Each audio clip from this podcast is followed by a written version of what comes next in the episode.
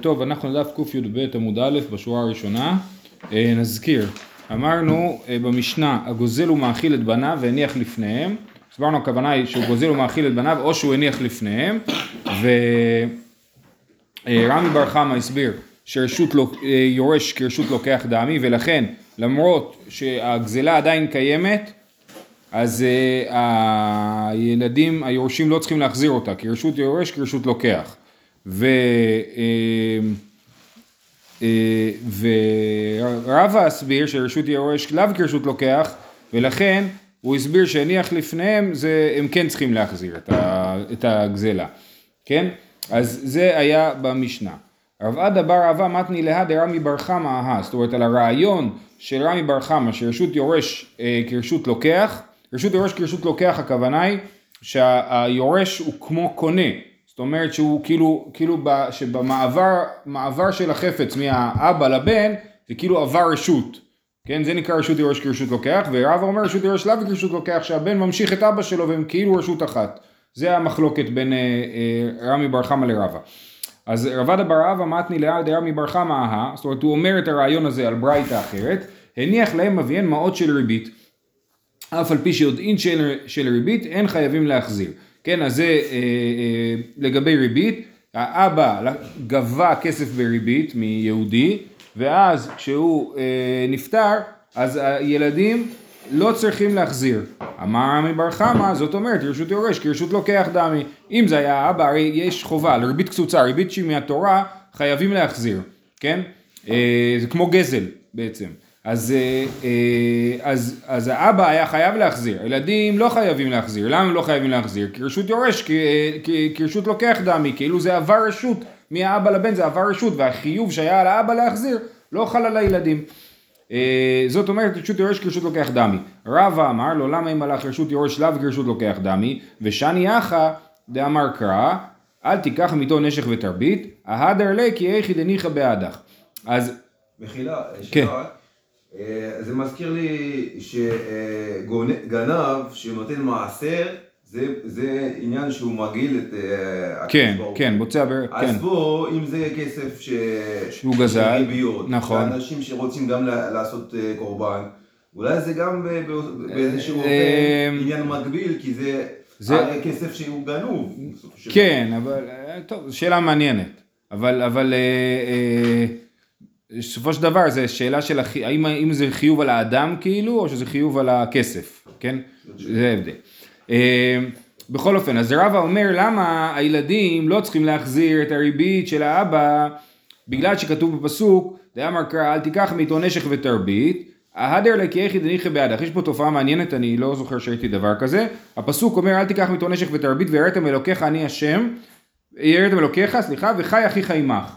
כן? ופה יש חצי פסוק, אל תיקח מאיתו נשך ותרבית, ההדר לקי יחד איכה בעדך זה תרגום של הסוף של הפסוק, וחי אחיך עמך. וחי אחיך עמך זה תחזיר לו, כדי שהוא יחיה איתך, כן?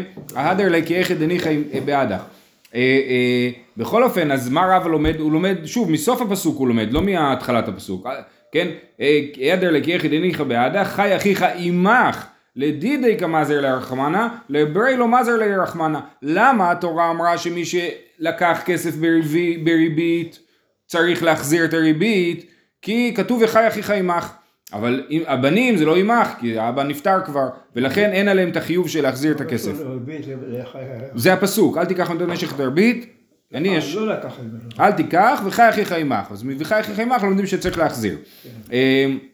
אז רב אומר שהסיבה שהילדים לא צריכים להחזיר זה לימוד מיוחד מהפסוק, אבל עדיין רשות יורש כרשות לוקח דמי. אה, מאן דמתני לה הברייתא כל שכן המתניתין, מאן דמתני לה המתניתין, אבל הברייתא רמי בר חמא כרב המתני לה. זאת אומרת, היה לנו פה שתי אפשרויות לשים את רמי בר חמא. הרמי בר חמא אמר רשות יורש כרשות לוקח, כן, שהמעבר מאבא לבן הוא מעבר רשות. או שהוא אמר זה על המשנה שלנו של הגוזל, ומאכיל אה, את בניו הניח לפניהם פטורים מלשלם בגלל שרשות יורש כרשות לוקח, או שהוא אמר את זה על ריבית שרשות יורש כרשות לוקח. אז יש מי ששנה את זה פה ויש מי ששנה את זה שם. אז מי ששנה את זה על ריבית, ברור שהוא חושב שזה גם ההסבר במשנה, שלא צריך להחזיר, כי הפשט של המשנה זה שהוא הניח לפניהם פטורים מלשלם. למה? כי רשות יורש כרשות לוקח. רבא שלא חושב ככה צריך לשנות קצת את הפשט של המשנה. אבל מי ששנה את ה... את הרעיון של רמי בר חמא על המשנה, הוא יכול להסכים עם רבא בברייתא ולהגיד שבריבית יש דין אחר של הולכה הכריחה עמך כמו שרבא הסביר, כן? אז אה, מאן דמתני לה ברייתא כל שכן המתניתין, הוא מסכים במשנה, ומאן דמתני לה המתניתין, אבל הברייתא רמי בר חמא כרבא מתני לה, רמי בר חמא יכול להסביר את, המש... את הברייתא כמו רבא ולא כמו עצמו, כאילו של ירשות ירוש כרשות לוקח, רש"י מביא שיש כאלה שגרסו הפוך, אבל הוא מעדיף את הגרסה הזאת כמו שמופיע כאן. תנו רבנן, הגוזל ומאכיל את בניו, פטורים מלשלם. הניח לפניהם, אם לא אכלו את זה, אלא זה עדיין קיים, חייבים לשלם. קטנים, אה, גדולים חייבים לשלם. קטנים פטורים מלשלם. אז אנחנו רואים שיש פה הבדל בין גדולים לקטנים, כן? ואם אמרו גדולים, אין אנו יודעים חשבונות שחישב אבינו עמך, פטורים. אם הגדולים אומרים, אנחנו לא יודעים מה החשבון, אז הם פטורים. שואלת הגמרא, משום דאמרי אין, אין אנו יודעים פטורים? מה פתאום, בגלל שהם לא יודעים פטורים? הוא אומר, אני יודע שהוא חייב לי. הם אומרים, אנחנו לא יודעים. אז מה פתאום שהם יהיו פטורים בגלל זה? כן. אמר רבא, אחי כאמר, גדולים שאמרו, מה, צריך לתקן כאילו את הברייתא ולהגיד שמה הכוונה, גדולים שאמרו יודעים אנו חשבונות שחישב אבינו עמך, ולא פשלח גבי ולא מידי פטורים.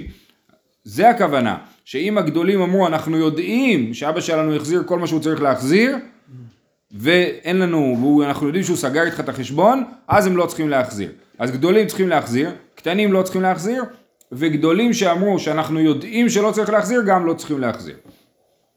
תניא אידך, זה ברייתא ראשונה. ברייתא שנייה, גוזל ומאכיל בניו פטורים מלשלם, הניח לפניהם ואכלום, הם אכלו את זה, זה כבר הגזלה לא נמצאת בעין, בין גדולים בין קטנים חייבים, כן? כתוב שהגדולים והקטנים חייבים, גם הקטנים חייבים. אומרת הגמרא קטנים ממחייבי לא יהיה אלא דאזיק אזוקי.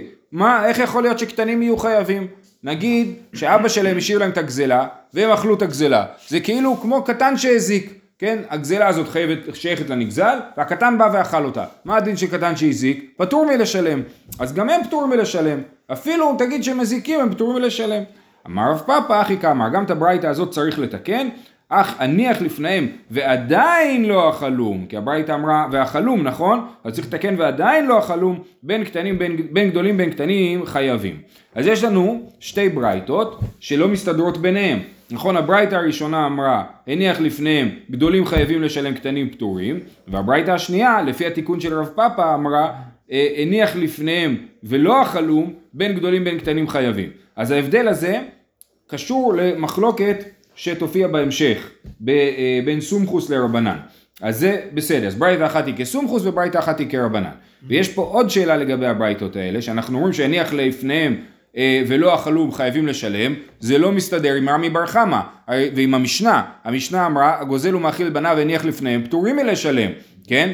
אז, אה, אז רבא יגיד, נכון, ברור שהם פטורים מלשלם, סליחה, רבא יגיד, אה, כן, ופה כתוב שהם פטורים מלשלם. מה כתוב לנו פה? עכשיו התבלבלתי עכשיו. עוד פעם, הברייתא אמרה, סליחה, שהם חייבים לשלם, נכון? כן. וה, והמשנה אמרה פטורים מלשלם. אז מה ההבדל? ההבדל הוא שלפי אה, אה, רמי בר חמא, רשות יורש כרשות לוקח דמי. ולכן הם פטורים מלשלם. אז למה אצלנו בברייתא הם חייבים לשלם? הם חייבים לשלם כי זה לפני ייאוש, וזה גם ראינו את העקרון הזה אתמול, שאם זה לפני ייאוש, אז הם לא נפטרו מלשלם, שכל מה שאמרנו שהם פטורים מלשלם זה רק אם הבעלים כבר התייאש לפני שהאבא הוריש את הנכסים לבניו, אבל אם הבעלים עוד לא התייאש, כשהאבא נפטר, כשהגזלן נפטר, אז הם חייבים לשלם. אז המשנה היא לאחר ייאוש, פטורים מלשלם, והברייתא היא לפני ייאוש, לפי רמי בר חמא, ולפי רבא אה, במשנה גם כן, שמה שכתוב פטורים מלשלם זה לא מדויק, ולכן אה, זה לא מדבר על זה, ולכן אה, בכל אופן לא קשה לו, כי שניהם חייבים לשלם.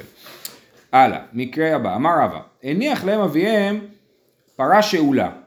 האבא שאל פרה ונפטר, והוא השאיר אותה לילדים. משתמשים בה כל ימי שאלתה, הם צריכים להחזיר את זה עוד שלושה ימים, יכולים להמשיך להשתמש בה, מתה, אין חייבים באונסיה. אין להם אחריות על הפרה. כי למי יש אחריות? לאבא שלהם, להם אין אחריות על הפרה. כסבורים של אביהמי, וטבחוה ואכלוה, משלמים דמי בשר בזול. זה מצחיק. הם לא ידעו שזה פרה שאולה, הם חשבו שזה פרה של אבא שלהם, אז הם שחטו אותה, כן? בא משאיל ואומר מה, איפה הפרה? מה, מה הקשר שלך לפרה? אכלנו אותה, כן. אז הם צריכים לשלם דמי בשר בזול. למה הם צריכים לשלם דמי בשר בזול ולא דמי בשר אה, רגיל? רש"י אומר שזול זה שתי שליש. למה? כי הם אומרים, אם היינו יודעים שזה לא של אבא שלנו, לא היינו שוחטים אותה. חשבנו שאנחנו יכולים לעשות חגיגה, אבל אה, אה, שורפים את כל מה שיש לאבא. כן? אז, אה, אז לכן הם צריכים לשלם דמי בשר בזול, כי הם לא היו עושים את זה אם הם היו יודעים. המשך הברייט, דברי רבא, הניח להם אביהם אחריות נכסים, חייבים לשלם. זה המשפט האחרון. אומרת הגמרא, איכא דמתני לה רישא ואיכא דמתני לה סיפא. זאת אומרת, יש כאלה ששונים את דברי את המשפט האחרון על הרישא ויש אלה ששונים אותו על הסיפא. הסיפא, המשפט אומר הניח להם יבוא מאחריות נכסים חייבים לשלם. זאת אומרת אם הוא השאיר להם לא רק פרה שאולה אלא גם קרקע אז הם צריכים לשלם מתוך הקרקע. על איזה מקרה זה אומר ש, שהם צריכים לשלם את ה, אה, מהקרקע של אביהם? את המקרה שהם שחטו אותה, שהם ממש אשמים, הם לא ידעו, אבל הם אשמים. עוד למקרה שהיה לה אונס לפרה, ואמרנו שהם לא, אין להם אחריות כי הם לא שאלו, האבא שאל ולא הם, אז להם אין אחריות, אבל אם יש נכסים לאבא, אז צריך לשלם מהנכסים של האבא, כן, אז יש כאלה דמתני לה סיפא, יש כאלה דמתני לה רישא, איגא דמתני לה רישא וגנא לה סיפא, מאן דמתני לה רישא, כל שכן הסיפא, מי שאומר שברישא הם צריכים לשלם מהנכסים של האבא את מה שיקרה לפרה, קל וחומר אם הם בעצמם הזיקו לפרה שהם צריכים לשלם את זה מהנכסים של האבא, אבל אם מי שאומר את זה, אה, כל שכן הסיפא ופליגא דרב פאפא, תכף נסביר מה זה רב פאפא, מאן דמתני לה סיפא, אבל הרישא לא, והיינו דרב פאפא, מי ששונה את זה רק על הסיפא, אומר ברישא באמת אפילו אם אביהם השאיר להם נכסים, ופרה שאולה, והפרה מתה, הם לא צריכים לשלם את זה אפילו מנכסי אביהם. הנכסים של אבא שלהם לא אחראים על הפרה השאולה. והיינו דרב פאפא, ורק בסיפא, שאם הם אכלו את הפרה, אז יש להם אשמה, ולכן הם צריכים לשלם מתוך הנכסים של האבא. דאמר רב, אז מה, מה הקשר לרב פאפא? דאמר רב פאפא, הייתה פרה גנובה לו, וטבחה בשבת חייו, שכבר חייב בגניבה, קודם שיבוא לידי איסור שבת. הייתה פרה שאולה לו, וטבחה בשבת, פטור שאיסור בשבת ואיסור גניבה באים כאחד. אז קודם נבין מה רב פאפא אומר, ואחרי זה נראה את הקשר שלו. אז רב פאפא אומר, אה, אה, הייתה, הוא גנב פרה לפני שבת, ושחט אותה בשבת, הוא חייב ארבעה וחמישה. למה הוא חייב ארבעה וחמישה? הוא חייב על הגניבה שהוא עשה ביום שישי, אז הוא חייב כפל, נכון?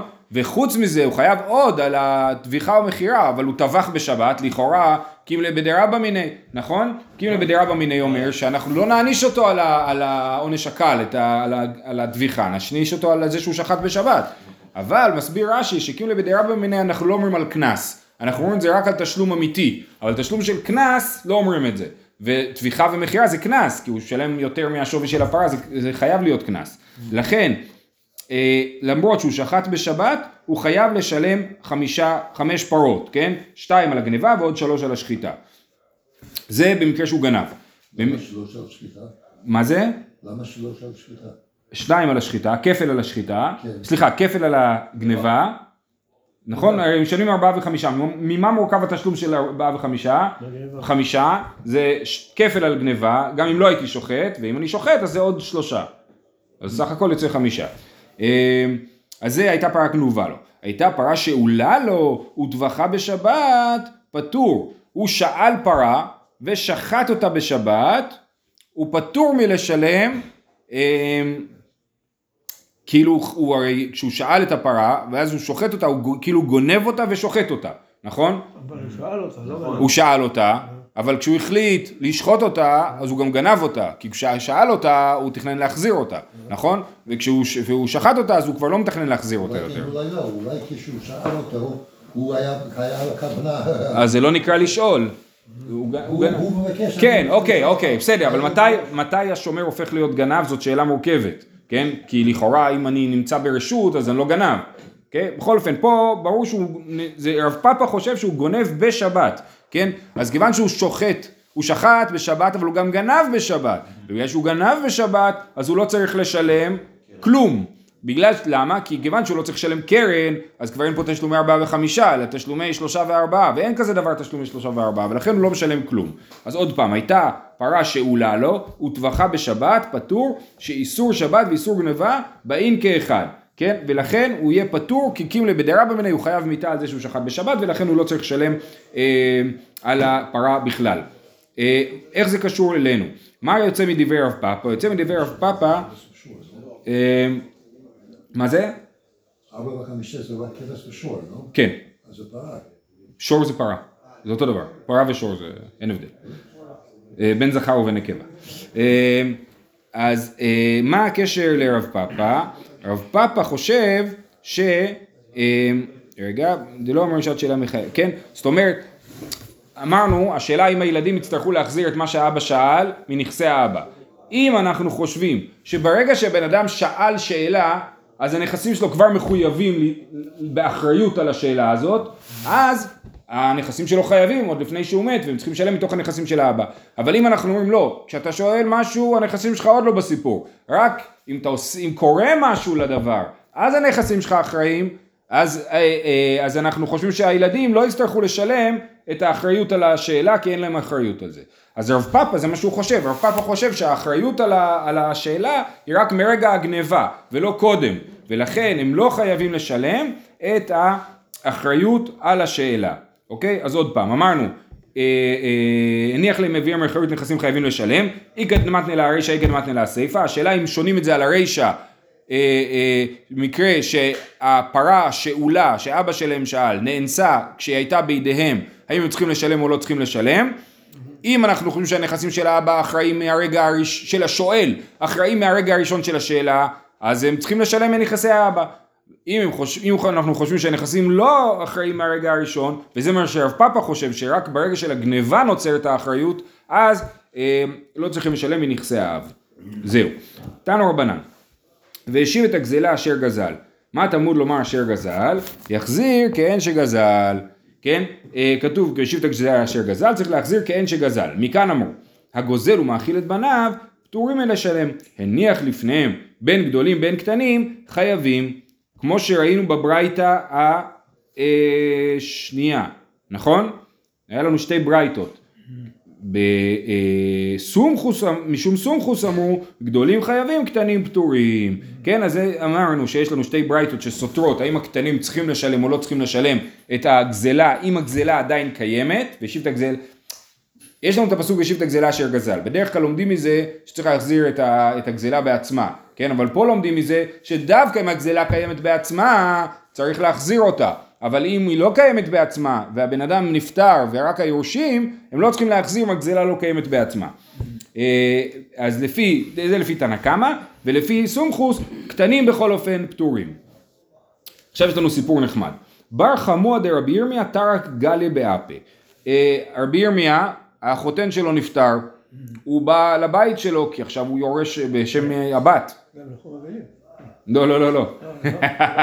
הוא בא לרשת, כן? אה, רגע, יש לי פה בעיה שנייה. אוקיי. אה, הוא לא בא לרשת, רבי ירמיה, הוא טען שהחותן שלו מכר לו את הבית בחייו, כן? אז הוא בא ואומר, זה שלי, אני בא לקחת את מה ששייך לי. הגיס שלו, אח- האח של אשתו, טרק גלי הוא סגר את הדלת, לא נתן לו להיכנס. והוא היה קטן, מתחת גיל בר מצווה, כן? אז טרק גלי באפה דרבי ירמיה. אמר לו, זה שלי, אני לא נותן לך, אתה רוצה להחזיק בזה, אתה חושב שזה שלך, אני לא נותן לך להיכנס. עתה לקמא דרבי אבין. אמר, שלא הוא תובע. אמר לי, ואמה איתינא סעדי דאחזיקי בחיי אבוה. אז, אז רבי אבין אומר, מה אתה רוצה ממנו? הוא מחזיק דבר ששייך לו, שלא הוא תובע. אז הוא אומר לו, אני אביא עדים, שאני, זה שייך לי, החזקתי בזה עוד בחיי החותן, כן? אמר לי, וכי מקבלים עדים שלא בפני בעל דין, הוא קטן, אי אפשר ל- ל- להביא עדים לבית הדין כאשר הנידון הוא קטן, כי אי אפשר, כי זה כאילו אתה מביא עדים שלא בפני בעל דין. אומרת הגמרא, והקטני בין גדולים בין, בין קטנים חייבים, אז הוא אומר לו, אומר לו סליחה, ולא, והקטני בין גדולים בין קטנים חייבים, הרי לפי הברייתא אצלנו אנחנו רואים שכן אפשר לתבוע קטנים ולהוציא מהם דברים, אז סימן שאפשר להעיד בפני קטנים. אמר לה, הרי מחלוקת סומכוס בצדך, הרי הנה, אתה רואה שסומכוס חלק על זה וחשב שקטנים פטורים, אז, אז מי אמר שאנחנו פוסקים כמו תנא? אולי אנחנו פוסקים כמו סומכוס. אמר איכפל כולי עלמא וקאי כסומכוס להפקוען לדידי. אתה כל כך מתאמץ ולזרוק את כל העולם, את כל רבנן, כן? ולקחת את סומכוס רק בשביל להפקיע ממני נכסים, רבי ירמיה התעצבן, כן? עדה אחי יגלגל מילתא ועתה ומטה לקמא דרבי אבאו. אה, אז רבי אבאו שמע על הדיון, כן, כולם ריכלו על זה, והוא שמע על הדיון, אמר, לא שמיע לכו עד רבי יוסף בר חמא, מה לא שמעתם מה שרבי יוסף בר חמא אמר? אמר רבי יושעיה, דמר רבי יוסף בר חמא אמר רבי יושעיה, תינוק שתקף בעבדיו וירד לתוך שדה של חברו. אז מה זה אומר תקף בעבדיו? יש שתי אפשרויות, או שהכוונה היא שהוא תקף עבדים, לקח עבדים של מישהו אחר, או שהכוונה היא שהוא לקח את העבד, תינוק הכוונה היא קטן, קטן, לקח עבדים של מישהו אחר, או ירד לשדה של מישהו אחר, זה אופציה אחת. אופציה שנייה זה להגיד שהוא תקף את העבדים של עצמו, הוא לקח את העבדים של עצמו ואמר להם תתפסו את השדה של מישהו אחר, כן, באמצעות העבדים. אז תינוק שתקף בעבדיו וירד לתוך שדה של חברו, ואמר שלי הוא, אין אומרים נמתין עד שיגדיל, אלא מוציאין מידו מיד, ולכשיגדיל יביא עדים ונראה. כן? כולנו יודעים שמה קרה עכשיו, התינוק הזה ירד לתוך שדה חברו. אז אי אפשר להגיד, אה, בגלל שהוא תינוק אי אפשר לעשות כלום, כי זה יהיה דרך אה, להשתלט על אה, נכסים. אז לכן מוציאים אותו מהנכס, וכשהוא יהיה גדול אנחנו נעשה לו דיון. אז אותו דבר, כאילו רבי אבאו רוצה להגיד שזה המקרה גם פה, פה יש פה תינוק שירד לתוך הנכס ששייך לרבי ירמיה. אומרת הגמרא, מדמי את עמוד מפקינן מיני, דלא קיים עלי חזקה דאבוה, אבל אחא דאיתא חזקה דאבוה, לא. זאת אומרת, זה לא דומה.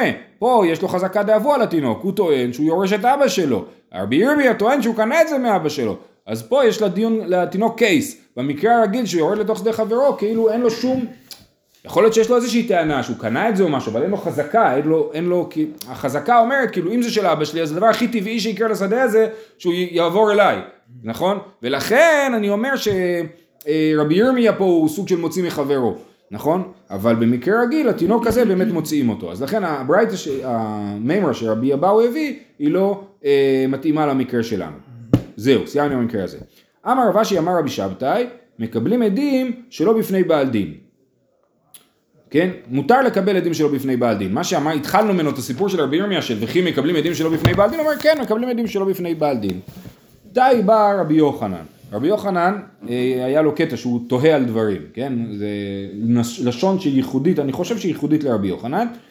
אה, וכי מקבלים עדים שלא בפני בעל דין? עכשיו יש פה בעיה דורית, כי רב אשי הוא דור אחרון, רבי יוחנן הוא דור ראשון.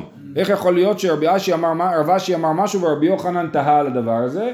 אז אנחנו או שנגיד שמדובר על רב אשי הקדמון, כן? אולי רב אשי הקדמון הוא, יש פה בצד במסורת הש"ס, הוא מציע שני פתרונות. אולי רב אשי הקדמון הוא, או סיומה דתאי ברבי יוחנן רב אשי אמרה. אז או שאני אומר, זה לא הרב אשי הרגיל, שזה פתרון פחות טוב, אבל כנראה שכן היה עוד רב אשי, כנראה שזה מוכח מעוד מקומות. אה, או שאני אומר, הכל זה מה שרב אשי אמר. אמר רב אשי, אמר רבי שבתאי ככה, ותאי ברבי יוחנן ככה, כן? זה הכל מה שרב אשי מספר. זה גם אופציה. למרות שבדרך כלל רב אשי לא אומר הרבה דברים בשם רבי יוחנן. בכל אופן, אז יש לנו פה שאלה אם מקבלים עדים שלא בפני בעל דין. קיבלה מיני רבי יוסי בר חנינא, רבי יוסי בר חנינא הסביר שבאיזה סיטואציה מדובר שמקבלים עדים שלא בפני בעל דין, יש סיטואציות שאין ברירה חייבים, כגון שהיה הוא חולה או עדיו אה, חולים, או שהיו עדיו מבקשים ללך למדינת הים ושלחו לו ולא בא. יש לי דין עם מישהו, כן? והעדים הולכים למות, או העדים הולכים לרדת למדינת הים, או שבעל הדין הולך למות, כן? אז חייבים לעשות את העדות מיד, כן? והזמנתי את הבעל דין והוא לא הגיע, אז כבר, אז בית הדין מקבל את העדים למרות שבעל הדין לא פה, זו בעיה שלו שבעל הדין לא פה. אה, אז הוא אומר, אה, יפה, אמר רב יהודה אמר שמואל, מקבלים עדים שלא בפני בעל דין. אמר מר עוקבא לדידידי מפר של ימיני דשמואל, באיזה סיטואציה מדובר? כגון דפתחו לי... לא יודע. כגון דפתחו לי בדיני אה, ושלחו לי ולא עתה. אם פתחו לו דין והוא לא בא, אז לכן מקבלים עדים שלא בפני בעל דין. אבל לא פתחו לי בדינה, מצי אמר לי, אנא לבית הגדול, בדין הגדול הזילנה. כן? עד שלא שלחו לו איזשהו זימון מיוחד מבית הדין, אז הוא אומר, מה, אני בכלל מתכנן ללכת לבית הדין הגדול שבארץ ישראל, וזו טענה שתמיד אפשר לטעון בבבל, כן? הבית הדין בבבל, למדנו את זה, שהוא אה, בפרק שמיני, שליחותיי הוא כעבדינא, נכון? שהם דנים מסמכות בית הדין של ארץ ישראל, אז תמיד אתה יכול לטעון, לא, אני רוצה ללכת לבית הדין של ארץ ישראל, לא רוצה לדון פה. אז כל עוד הבעל דין יכול לטעון את זה, אז לא, אי אפשר לקבל את העדים. אבל ברגע שכבר פתחו לו את הדין, אז הוא יכול. אומרת הגמרא, יחי, כי פתחו לינה ממצי אמר לי לבית דין הגדול הזילנה, הרי הוא יכול לטעון את הטענה הזאת גם באמצע, כנראה באמצע הדיון או בפתיחת הדיון, אני לא יודע בדיוק מה זה הפתיחה הזאת שנקרא פה. אמר אבינה, כגון דנקת דיסקה מבית דין הגדול. שאפשר להעמיד את זה שהוא נקט דיסקה. דיסקה, אומר רש"י, איגרת מבית הדין הגדול ששלחו לבית דין של כאן לחופו. זאת אומרת, יש כאילו אישור של בית הדין הגדול שהם אומרים לבית הדין של פה, תדונו את המקרה הספציפי הזה. במקרה הזה, אז, רק ורק אז אפשר לדון, אה, להעיד עדים שלא בפניו של הנידון, כי הוא לא הגיע לבית הדין, ויש לבית הדין הנוכחי סמכות מלאה לדון אותו, אז לכן אפשר לקבל עדים שלא בפניו.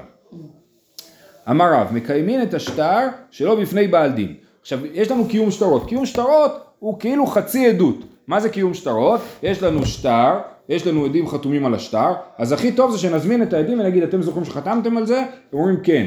ואז השטר מקוים. בית הדין כותב נספח לשטר, ואומר, אנחנו בית הדין פלוני, מאשרים את השטר הזה, מקיימים את השטר הזה, ואז השטר מצוין.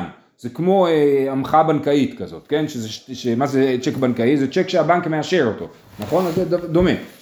צריך להזמין את החתומים. אז זהו, אז, אז שאלה טובה. אז, אז אמרתי שהדרך הטובה יותר היא להזמין את החתומים, ואם הם לא, אז אפשר להזמין אנשים שיודעים לזהות את כתב ידם, כן? כלומר, אני מכיר את החתימה הזאת, זאת באמת החתימה של פלוני, כן? אז אפילו אין טענה, אף אחד לא בא ואומר שזה מזויף. לא, אני לא חייב לקיים את השטר, אני רוצה לקיים את השטר. היא כמו המחאה בנקאית, אני לא חייב המחאה בנקאית, אני רוצה שתהיה המחאה בנקאית. אני, אה, אם אני אביא שטר ואתה תגיד שזה מזויף, אז אולי אני צריך לקיים את השטר. אבל אם אני לא רוצה לקחת סיכון, אני יודע שאתה יכול לטעון שזה מזויף, אני כבר מקיים את השטר מראש. אה, בכל אופן, אז מקיימים את השטר שלו בפני בעל דין, לא צריך את הלווה פה, את ה... כן, לא צריך פה את החייב. אני יש לי שטר, אני רוצה לקיים אותו. אה, ורבי יוחנן אמר, אין מקיימים את השטר שלו בפני בעל דין, כי הוא תופס את קיום השטר בתור דיון בעצמו, ואי אפשר לעשות אותו בלי בעל הדין. אמר לי רב ששת לרבי יוסי, בר אבאו אסבר הלך, תמי דרבי יוחנן. למה רבי יוחנן אמר שאי אפשר לקיים את השטר שלו בפני בעל דין? אמר קרא והועד בבעלה ולא ישמרנו. אמרה התורה יבוא בעל השור ויעמוד על שורו. כן? תמיד צריך להיות והועד בבעליו. אז גם פה בעל השור, כאילו בעל השטר, אה, הוא צריך להיות אה, נוכח בזמן שמעידים על השטר. אמר רבא, הלכת מקיימים את השטר שלא בפני בעל הדין, ואפילו עומד וצווח. אפילו אם, הרי יש פה מלווה ולווה, נכון? אז מקיימים את המלווה רוצה לקיים את השטר, כדי שהוא יוכל לגבות מהלווה. אפילו הלווה עומד וצובח שהשטר מזויף, אם אנחנו מצליחים להביא את העדים ולקיים את השטר, אז אנחנו מקיימים את השטר אפילו שלא בפני בעדינו, אפילו עומד וצובח. והיא אמר, ניקיתו לזימנה דמייתינא סעדי ומראנה לי לשטרה, אומר חכו חכו, רגע, אני מביא עדים שיראו את השטר, שיגידו, שיעידו שהשטר מזויף, הם יעידו שהם יודעים שהשטר מזויף, כן? נקטינן לי, נותנים לו את הזמן, אי עתה עתה, אי לא עתה, נטרינן לי ביתי בית.